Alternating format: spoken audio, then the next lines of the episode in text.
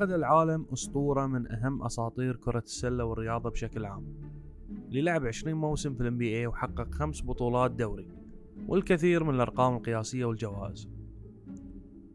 هذه الأشياء يمكن كررها لاعبين ثانيين ومو هما بس اللي خلوا كوبي براينت أو ال Black Mamba مثل ما يحب يسمونه أحد أهم من لعبوا رياضة على مر التاريخ. يقول جي ويليامز وهو أحد لاعبين فريق شيكاغو بولز في مرة من المرات كان عندنا مباراة ضد فريق الليكرز. في أيام عز كوبي براينت وشكيل أونيل. المباراة تبتدي الساعة 7 فقررت أروح أتدرب الساعة 4 قبل المباراة عشان أكون جاهز. وصلت الملعب ولا كوبي كان موجود وقاعد يتدرب. فقعدت حوالي ساعة أشوت 400 شوتة. يوم خلصت إلا كوبي للحين قاعد يتدرب. فقلت بعد بقعد نص ساعة عليه ما يخلص وأمشي عقبه. خلصت وهو للحين يتدرب. نفس الحماس واللعب. طلعت من الملعب ورحت أتجهز حق المباراة. في المباراة الليكرز فازوا وكوبي سجل 40 نقطة.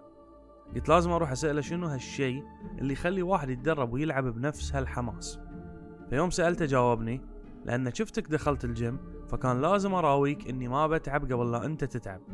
إذا أنت بتتدرب بقوة أنا راح أتدرب بقوة أكبر. عقلية كوبي هي اللي ألهمت الكثيرين أنهم يعملون بنفس الحافز هذا.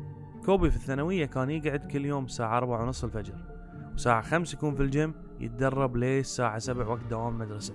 من المعروف أن مايكل جوردن أسطورة كرة السلة كان أكثر اللاعبين اجتهادا بتمارينه لكن المدرب فيل جاكسون واللي درب مايكل وكوبي صرح في مرة أنه ما شاف لاعب يتدرب نفس كوبي ولا يحق للاعب أن يقارن نفسه بكوبي وإخلاصه في التمارين بما فيهم مايكل.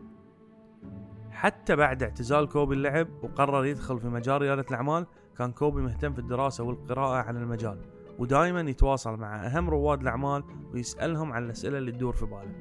جيف ستيبل أحد أهم رواد الأعمال قال في مقابلة كوبي كان يتصل فيني الساعة 3 الفجر ويرسل رسائل يستفسر عن مقالات في ريادة الأعمال لدرجة أن الناس شكوا أن عندي وياه علاقة غرامية.